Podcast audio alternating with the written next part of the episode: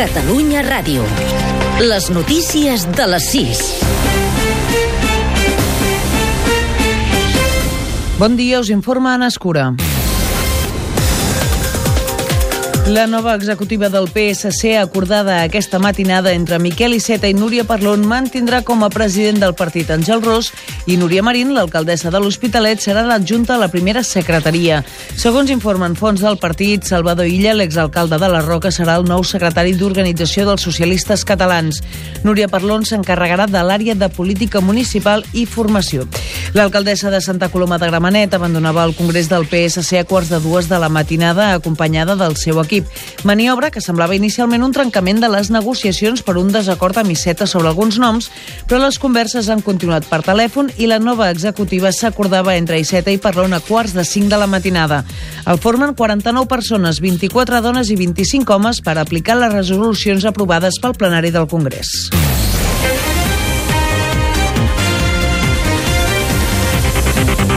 Donald Trump ha estat evacuat durant un míting a Nevada. Segons han explicat els serveis secrets, els encarregats de la seguretat del president nord-americà i dels candidats a la Casa Blanca, un dels assistents ha cridat la paraula arma mentre el candidat republicà feia el seu discurs i s'ha desencadenat el pànic. Poc després, però, s'ha confirmat que era una falsa alarma. Trump ha continuat el seu míting i ha afirmat que ningú no havia dit que seria fàcil, però que res no els aturaria. El ministre de l'Interior, Juan Ignacio Zoido, estrena càrrec amb la detenció del suposat suposat dirigent d'ETA Miquel Irastorza al País Basc francès en una operació conjunta de la Guàrdia Civil i la policia francesa. El ministre ha avisat que les detencions no s'acabaran aquí. Por tanto, hasta que no se produzca por parte de la banda terrorista la entrega definitiva de las armas y su disolución, seguiremos desde el Gobierno de España luchando contra la lacra del terrorismo. Jordi Turull nega que les relacions amb la CUP s'hagin ressentit per la detenció de l'alcaldessa de Berga. En declaracions al suplement de Catalunya Ràdio, el portaveu al Parlament de Junts pel Sí ha respost les declaracions de Montse Venturós al mateix programa. L'alcaldessa ha assegurat que la seva detenció dificulta encara més les relacions entre Junts pel Sí i la CUP en plena negociació dels pressupostos, que no es creu que Interior no sabés que els Mossos l'anirien a detenir i n'ha fet responsable al govern. I acusada d'homicidi imprudent i negació d'auxili la conductora que va fugir després d'atropellar dues persones a Sabadell la matinada de dissabte. Segons fons de la policia local, la dona de 22 anys es va presentar voluntàriament ahir a primera hora de la tarda a la comissaria dels Mossos acompanyada del seu pare. Els agents van derivar el cas a la policia local que la va detenir.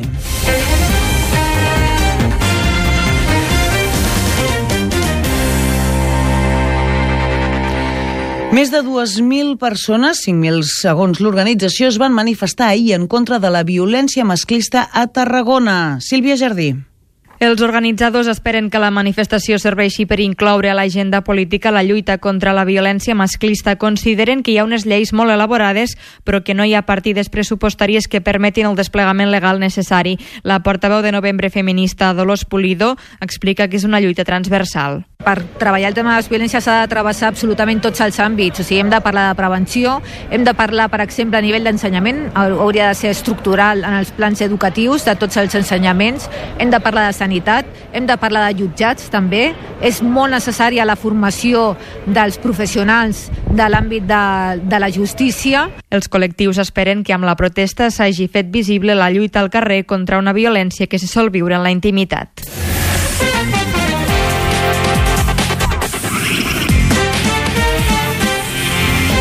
En esports, el Barça i l'Espanyol jugaran aquest diumenge al camp del Sevilla i a casa contra l'Atlètic de Bilbao, respectivament. Marlon i Nili del filial han entrat a la llista de convocats a l'equip blaugrana. A l'Espanyol, la novetat a la convocatòria és Caicedo i Marc Roca n'ha quedat fora. A primera, jugats aquest dissabte, Granada 1, Sporting 1, Real Societat 2, Atlètic de Madrid 0, Osasuna 0, Alavés 1 i Les Palmes 1, Eibar 0. I a segona, Girona 1, Tenerife 1. Els gironins són cinquens amb 18 punts. Aquest diumenge Mirandès Nàstic i Reus Llevant. I Andy Murray és el nou número 1 del rànquing mundial de tenistes. Ha superat Novak Djokovic, que ho era des de fa dos anys i quatre mesos. Fins aquí les notícies.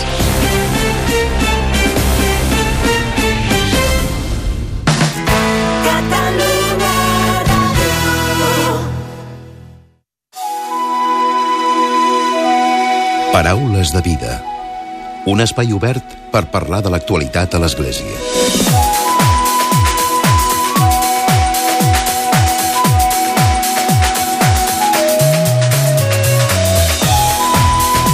Tal? Salutacions i molt bon dia, molt bon diumenge. Ha arribat el mes de novembre i amb ell una de les iniciatives que s'han anat consolidant amb el pas dels anys, com és la cadena ininterrompuda de pregària per les vocacions al matrimoni, al sacerdoci i a la vida religiosa.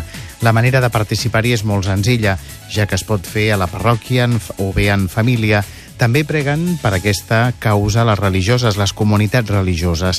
En tots els casos s'editen tota una sèrie de materials que ajuden a la realització d'aquestes pregàries que van en cadena al llarg de tot aquest mes de novembre. De seguida en parlarem d'aquesta iniciativa que es fa als 10 bisbats de Catalunya. En aquest cas ho fem amb el delegat de Pastoral Vocacional de l'Arcabisbat de Barcelona, mossèn David Alvarez.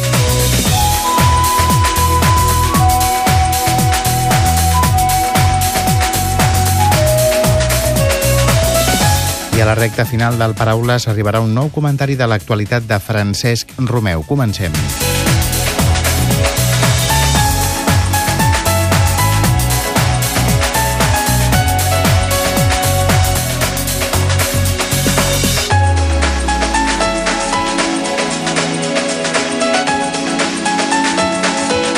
Mossèn David, benvingut al Paraules de Vida.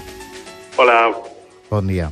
Bon dia, Emili. Com parlem d'aquesta cadena de pregària per les vocacions, com s'articula, com es fa? Perquè són 10 bisbats els que estan implicats, tota l'Església catalana, oi? Exacte. Des de fa uns anys, totes les diòcesis amb seu a Catalunya dediquem el mes de novembre per pregar per les vocacions i cada bisbat, com són 10 bisbats, se'ns toca doncs, el 30, els 30 dies del mes de novembre i ens anem articulant doncs, cada, cada 3 dies ens toca una diòcesi distinta.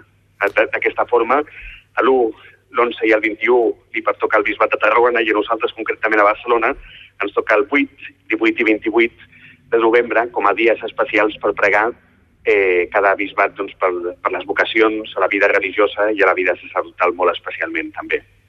I com, com es fan aquestes pregàries en, aquest, en els bisbats? Doncs s'articulen a través molt especialment de les parròquies, de les comunitats, com deies al començament de tot, s'envia una informació també perquè cada, cada parròquia, cada comunitat, les famílies fins i tot es puguin afegir a aquesta pregària i que ens ho puguin fer saber eh? I, i que així d'aquesta forma doncs, durant les 24 hores d'aquell dia que li pertoca a cada bisbat doncs, pugui haver-hi una, una oració ininterrompuda de pregària per les vocacions. És un repte important i és un repte que s'aconsegueix any rere any, oi? Exacte, sí, sí. La generositat del, dels fidels és molt gran, de les comunitats religioses, de les parròquies, de les diferents comunitats que s'apleguen, els nostres bisbats que veuen també la necessitat i, i l'urgència de demanar per les vocacions i davant d'aquesta iniciativa que se'ls ofereix des de les seus de la pastoral vocacional dels bisbats de Catalunya, doncs s'afegeixen generosament i es disposen també per, per pregar per les vocacions, perquè no manquin vocacions a l'Església s'editen uns materials, oi?, que són també, de, de fet, una ajuda per a aquelles persones que, que s'incorporen a, la, a la cadena de pregària. Exactament. Cada bisbat s'organitza més o menys a la seva manera, s'envien uns cartells per les diferents parròquies i comunitats religioses i també doncs, s'envien o dins del full dominical o dins del, de, de, de, cada, de cada carta que s'envia a cada comunitat doncs s'envia un, una mica de material per poder fer la pregària per les vocacions. Aquest any s'emmarca dins d'aquest any de la misericòrdia, que s'escau aquest, aquest mes de novembre al final, la cloenda de l'any jubilar de la misericòrdia, i per això també l'hem volgut emmarcar també les vocacions no com a font de la misericòrdia i cridats a ser misericordiosos com el pare també, no? També és veritat que a la web, hi ha una web a la qual també s'hi pot, pot eh, entrar per trobar també més informació, material eh, i fins i tot doncs, material audiovisual per passar amb els joves o per, o per treballar amb les famílies o fins i tot per, per fer meditació amb els testimonis que surten, que és aquestes tres W, cadena de pregària.cat. Aquí també doncs, surt tot el programa, els cartells i les seus també de les diferents delegacions de pastoral vocacional per poder rebre informació o per poder donar comunicació de, de, de projectes i de, i d'accions que, es fa, que es duen a terme. De fet, és una pàgina web unificada, oi?, amb tota la informació de tots els bisbats i actualitzada fins a última hora. Exactament. Eh? De, a, a mesura que es, que es van donant a conèixer doncs, les hores de pregària que es fa a cada comunitat i a cada parròquia, doncs es va sumant i afegint en aquesta cadena de pregària per les vocacions, en aquesta web, perquè quedi registrat també i comptabilitzat tots els, totes les hores que, que, que es fa la pregària per les vocacions a cada diòcesi i cada dia del mes de novembre. I parlant concretament del cas de Barcelona, de l'Arcabisbat de Barcelona, quins són els materials que s'han editat i com es prepara? Com, com és la feina prèvia que hi ha per la preparació de la, de la cadena de pregària? La feina prèvia comença abans del, del mes de, de, de, abans dels mesos d'estiu, que els diferents delegats de pastoral vocacional de, de Catalunya ens trobem, ens trobem i pensem també una miqueta el material, el projecte que volem donar-hi i la, una miqueta el, el fil conductor que volem donar-li en aquests dies del, del mes de novembre. Després, al setembre, ens tornem a trobar i ja posem a punt tot el que és el, el tema del, dels materials, el tema de esquemes de pregària, testimonis, buscar... Aquesta, aquest any, enguany, ens hem posat tots d'acord en demanar-li a un mossèn que s'encarrega de la pastoral penitenciària el seu testimoni i la seva vivència no? com dins de les obres de misericòrdia, visitar els que estan a la presó, doncs precisament també que ens expliqués el seu testimoni vocacional de, de donar-se als, als presoners, als que estan allà, i després cada bisbat, doncs això, s'ho fa realment a la seva forma. Em demanaves també com ho fem a Barcelona. A Barcelona, concretament aquest mes de novembre, el que farem, vaig enviar ja una carta a, tots el, a totes les comunitats i parròquies per informar dels dies que ens tocava, per informar també del material que es pot eh, baixar des de la web, però també és veritat que des del full diocesà doncs, també es rebrà doncs, aquest, aquest, aquest, aquesta separata amb la qual surt el testimoni d'aquest mossèn, el pare Carot i mercedari, i també doncs, l'esquema de vetlla de pregària, i la carta també del, del, del bisbe encarregat de la pastoral vocacional, que és el bisbe Josep Àngel, i, i tot aquest material doncs, es rep amb les amb el full dominical també. Uh -huh. I es prega per qüestions molt concretes, com dèiem també a la portada, com has comentat, David, es prega pel matrimoni, es prega per la vida religiosa i per les vocacions. Exactament. Aquest any hem, hem mirat de, de fer, dins d'aquest eh, treball aquesta separata de, de, de pregària per les vocacions, hem posat que cada setmana, com són quatre setmanes també les que tenim dins del mes de novembre, que cada setmana estigui dedicada especialment doncs, a, a cada realitat vocacional. La primera setmana per les vocacions al Ministeri Ordenat, la vida sacerdotal, la segona setmana per la vida consagrada, la tercera setmana pel matrimoni i la quarta setmana, així més general, per les vocacions al compromís de vida eclesial. Uh -huh. I el per què d'aquesta separació? Bueno, el, el motiu principal és donar-nos compte de la importància dins de la, la vocació no és només dels mossens, no és només de la, de la vida religiosa, no és només de la vida matrimonial, sinó que en el fons vocació vol dir sentir la crida de Déu per servir a Déu i als germans, eh? una mica com fan els sants també, i que cadascú de nosaltres està cridat doncs, a donar aquesta resposta, no? veure la gran quantitat de, de, de reptes i de serveis que, que, es, que hi ha dins de l'Església i que s'ofereix dins de l'Església també. Uh -huh. Mossèn David, ho comentàvem a l'inici també del programa, és una acció que sempre arriba al mes de novembre i que podem dir que està consolidada, oi? Sí, ja portem uns anys, 15 anys ja realitzant aquesta cadena de pregària per les vocacions i realment és una feina que des de, des de la pastoral de vocacional doncs ja la tenim molt, molt, molt agafada, molt feta nostra i que ens dona també la iniciativa de començar el curs també amb amb empenta també dins de la pastoral vocacional per, per donar a conèixer també doncs, la importància de pregar per les vocacions i la importància també de, de, de, de, de donar-nos compte de la gran varietat també de, de crides que Déu destina a la nostra vida i la riquesa també que tenim dins de l'Església, en aquest sentit. La resposta dels feligresos, de, dels creients en general, és bona. Abans ho comentaves, no? El fet de que qualsevol persona es pot unir, només cal que, que ho comuniqui, que ho digui, a on farà aquesta pregària perquè s'uneixi a la cadena, no? Sí, sí.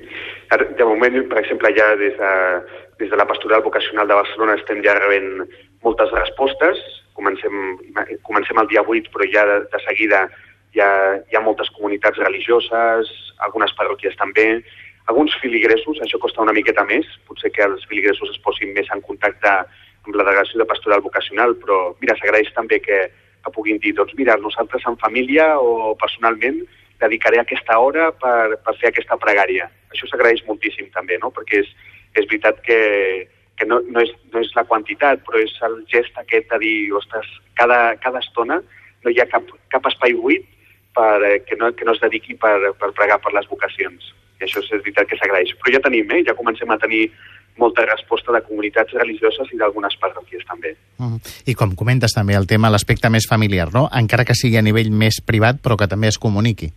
Clar que sí, sí, a vegades es reuneixen famílies a adreçar el rosari i pregant per les vocacions, no? Pues poder-ho comentar i dir també, doncs, és important per això, no? Per veure també que no cal estar a l'església, no cal estar a una comunitat religiosa per pregar per les vocacions, sinó que, de fet, la vida vocacional ja comença en família, ja comença personalment, eh? I, però és veritat que dins de les comunitats també és, és important que no es deixi de fer aquesta pregària per sentir-nos també església, no? Mm. Però és molt important també la pregària aquesta individual, no? Per això li donem, li donem una, una importància molt especial i per això aquest any això hem, hem dividit en aquestes quatre setmanes també com unes intencions més petites per pregar per les diferents, els diferents estils de, de vida vocacional. Iniciatives com aquestes són molt, molt importants, que es facin, que també ens en fem difusió, ens en fem ressò, tot i que és important que la pregària es mantingui durant tot l'any, no?, per aquestes vocacions, perquè de, precisament estem parlant de la importància que tenen, no? Certament.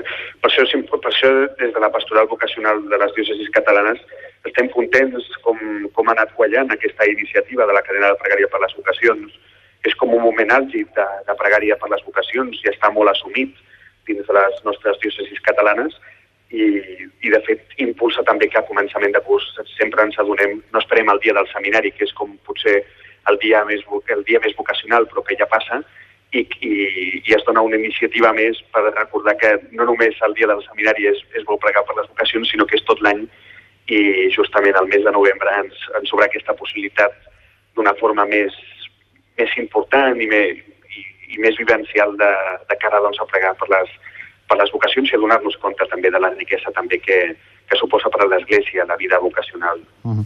Mossèn David, doncs abans d'acabar també i pels oients del Paraules de Vida de Catalunya Ràdio, quina és la recomanació que, que els hi fas en aquesta, en aquesta iniciativa que de fet comencem el mes de novembre, per tant estem a l'inici de tot un mes de, de pregàries, de cadena de pregària per les, les vocacions. Mm. Doncs en primer lloc que la pregària és la fossa més gran de la pastoral vocacional. Sense la pregària és impossible que els joves, que, que, que, que cada persona descobreixi doncs, la, la, la crida que Déu li fa a la seva vida, que no ens cansem de pregar en aquesta pregària per les vocacions a totes les nostres diòcesis de Catalunya i que no ens cansem de donar-ho a conèixer i de, i, de, i de divulgar també la nostra, el nostre petit gra de sorra que podem fer amb la nostra petita pregària i que ens animem doncs, a donar-ho a conèixer a través de la, de la web que posem en conjunt de cadena de pregària.cat. Una web on hi ha tota la informació d'aquesta cadena de pregària per les vocacions, que, com hem explicat, es fa al llarg de tot aquest mes de novembre, es fa de manera coordinada amb els 10 bisbats de Catalunya. Avui hem parlat, ho hem centrat tot i que hem parlat de manera genèrica, però ho hem centrat també a Barcelona, en l'arcabisbat de Barcelona, ho hem fet ho hem fet amb el delegat de Pastoral Vocacional, amb mossèn David Álvarez. Mossèn David, gràcies, com sempre, per atendre'ns. I a tu, gràcies, Emili. I molta sort en aquesta cadena de pregària per les vocacions. Moltíssimes gràcies. Déu ho faci. Paraules de vida. Un espai obert per parlar de l'actualitat a l'Església. I de l'actualitat de l'Església parlem amb en Francesc Romeu. Francesc, molt bon dia. Molt bon dia a tothom. Dilluns passat, 31 d'octubre, va començar el que serà l'any de la commemoració del 500 aniversari de la reforma protestant promoguda per un gran teòleg, Martí Luther. Justament va ser el 31 d'octubre de l'any 1517 quan l'aleshores el monjo agustí Martí Luther, encara catòlic, va penjar a la porta de l'església del Palau de Wittenberg les seves 95 tesis – un text bàsic per a iniciar una reforma profunda en el si de l'Església Catòlica. I així, el que en un principi era una queixa formal contra les indulgències que la Santa Seu feia pagar per redimir els pecats i acabar de construir la façana del Vaticà, es va convertir en un trencament, un cisma inevitable. els prínceps alemanys es van sumar de molt bon grat a aquesta rebel·lió que promovia aquest monjo i gran teòleg per deixar de pagar les seves contribucions econòmiques al papat. El monjo tampoc es va retractar de les seves propostes i l'heretgia i l'excomunió van seguir endavant, entrant en un carreró teològic sense sortida en un cul de sac eclesiològic. Va ser així com Martí Luter va començar un moviment de reforma amb un gran èxit en la seva extensió per tota Alemanya i proposant una renovació bíblica que posava en el centre de tot la paraula de Déu. Una paraula que ara esdevenia oberta a tothom, amb la possibilitat de ser llegida i interpretada lliurement. La invenció, pocs anys abans de la impremta de Gutenberg, també facilitava que tothom pogués tenir una Bíblia impresa a casa seva. Seguint aquesta lògica, el mateix Martí Luter proposava una lliure lectura de la paraula de Déu, en la seva interpretació de la carta de Sant Pau als romans i als gàlates, que posés més l'accent en la importància de la fe, que ara esdevenia motiu de salvació, que no pas en les obres que pogués fer el propi creient, com s'afirmava en el camp catòlic oficial. I és això el que va convertir en un abisme de separació entre els protestants i els catòlics. Encara avui en dia, en sectors molt tancats del nostre catolicisme, es recorda amb molta duresa, davant de les celebracions d'aquest 500 aniversari, que hi ha pel mig una greu heretgia que ens separa i que cal retreure'ns. Però aquesta no ha estat pas la voluntat del papa francès, que precisament aquesta setmana va començar aquest 500 aniversari fent un viatge a un país sumament majoritari protestant, com és Suècia, i fent una crida al diàleg ecumènic. Els cristians serem testimonis creïbles de la misericòrdia en la mesura que el perdó, la renovació i la reconciliació siguin una experiència quotidiana entre nosaltres. Així es va expressar el dilluns passat, 31 d'octubre, el papa Francesc en la pregària conjunta de catòlics i luterans a la catedral de Lund, a Suècia. Aquest temple protestant va reunir representants de totes dues esglésies amb motiu d'aquests 500 anys de la reforma de Luther. De la commemoració en va resultar una declaració conjunta on catòlics i luterans s'han compromès a treballar per la reconciliació, amb una petició concreta. Exhortem totes les comunitats i parròquies luteranes i catòliques a que siguin valentes, creatives i alegres. Amb dues parts han fet extensiva la demanda també en matèria política i de justícia social – perquè s'acabi la violència i el radicalisme. Així van expressar també la seva solidaritat amb els qui pateixen conflictes armats. Nosaltres, luterans i catòlics, instem a treballar conjuntament per acollir l'estranger, per socórrer les necessitats dels que són forçats a fugir a causa de la guerra i la persecució, i per defensar els drets dels refugiats i dels que busquen asil. El papa francès va pregar per la unitat dels cristians, tot dient, Senyor, Ajuda'ns a estar més units a tu per donar junts un testimoni més eficaç de fe, d'esperança i de caritat. El gest de la trobada d'aquest dilluns passat confirma una tendència, la pràctica del diàleg ecumènic durant aquests darrers 50 anys entre la Federació Luterana Mundial i l'Església Catòlica. Som conscients que ens hem tancat en nosaltres mateixos per por o per prejudicis a la fe que els altres professen amb un accent o un llenguatge diferent – ha reconegut en la pregària prèvia a la declaració el papa Francesc. Segons el papa, la reforma ha contribuït a donar major centralitat a la Sagrada Escriptura i també va destacar com l'experiència espiritual de Martí Luter ens interpel·la i ens recorda que no podem fer res sense Déu. Molt bon diumenge a tothom!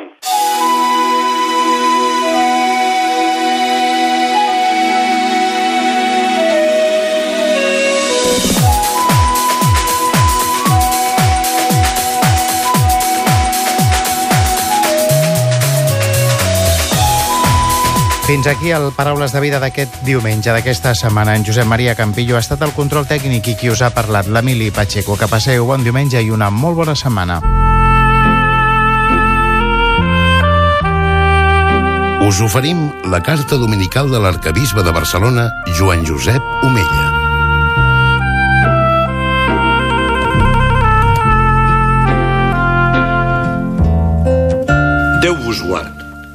Un científic que vivia preocupat amb els problemes del món estava decidit a trobar els mitjans per millorar-los. passava dies al seu laboratori en busca de respostes per als seus dubtes. Un dia, el seu fill de set anys va envair el seu santuari decidit a ajudar-lo a treballar. El científic, nerviós per la interrupció, li va demanar al nen que anés a jugar a una altra banda. Veient que era impossible fer-lo marxar, el pare va pensar què podia donar-li amb l'objectiu de distreure'l. De sobte, es va trobar amb una revista amb un mapa del món, justament el que necessitava.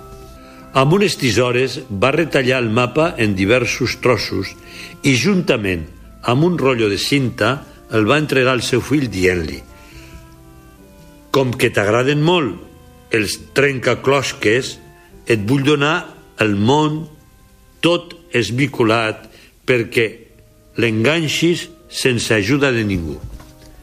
Aleshores va calcular que l'infant necessitaria 10 dies a composar el mapa, però no fou així.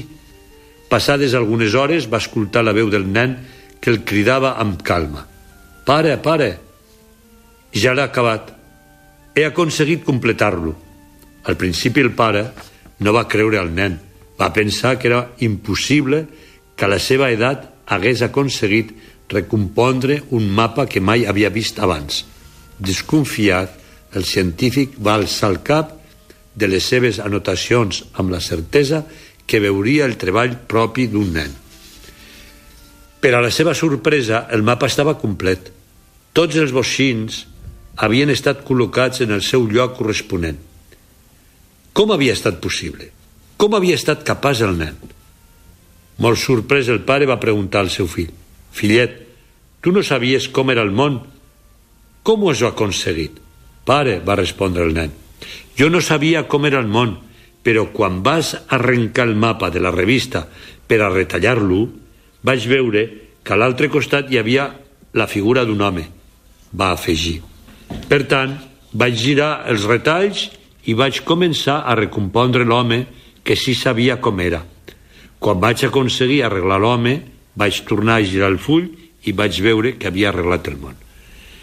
Germans i germanes, aquí està el punt eh, neuràlgic d'aquesta historieta.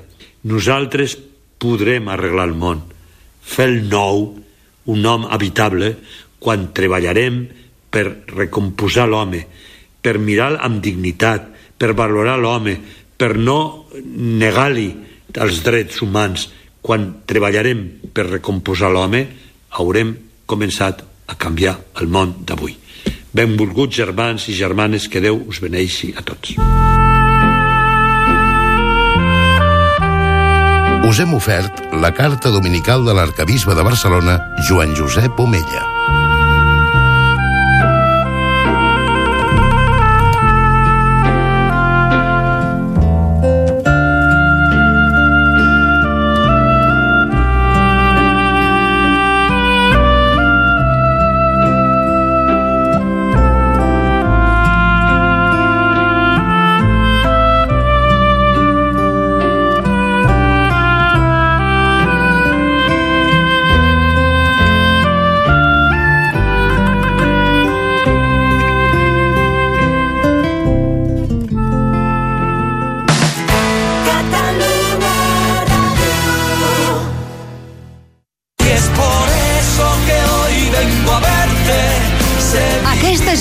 Animada que té un ritme que s'encomana.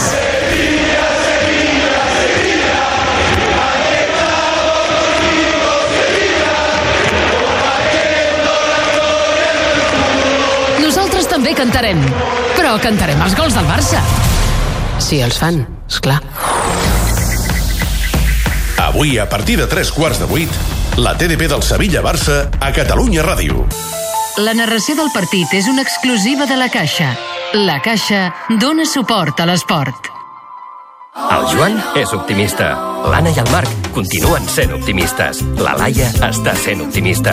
Perquè ser optimista és tenir tot el que cal per preparar-se al futur. I a CaixaBank trobaràs experts que t'ajudaran a planificar-te la jubilació perquè tu també siguis optimista. CaixaBank Futur. Experts en estalvi per al futur.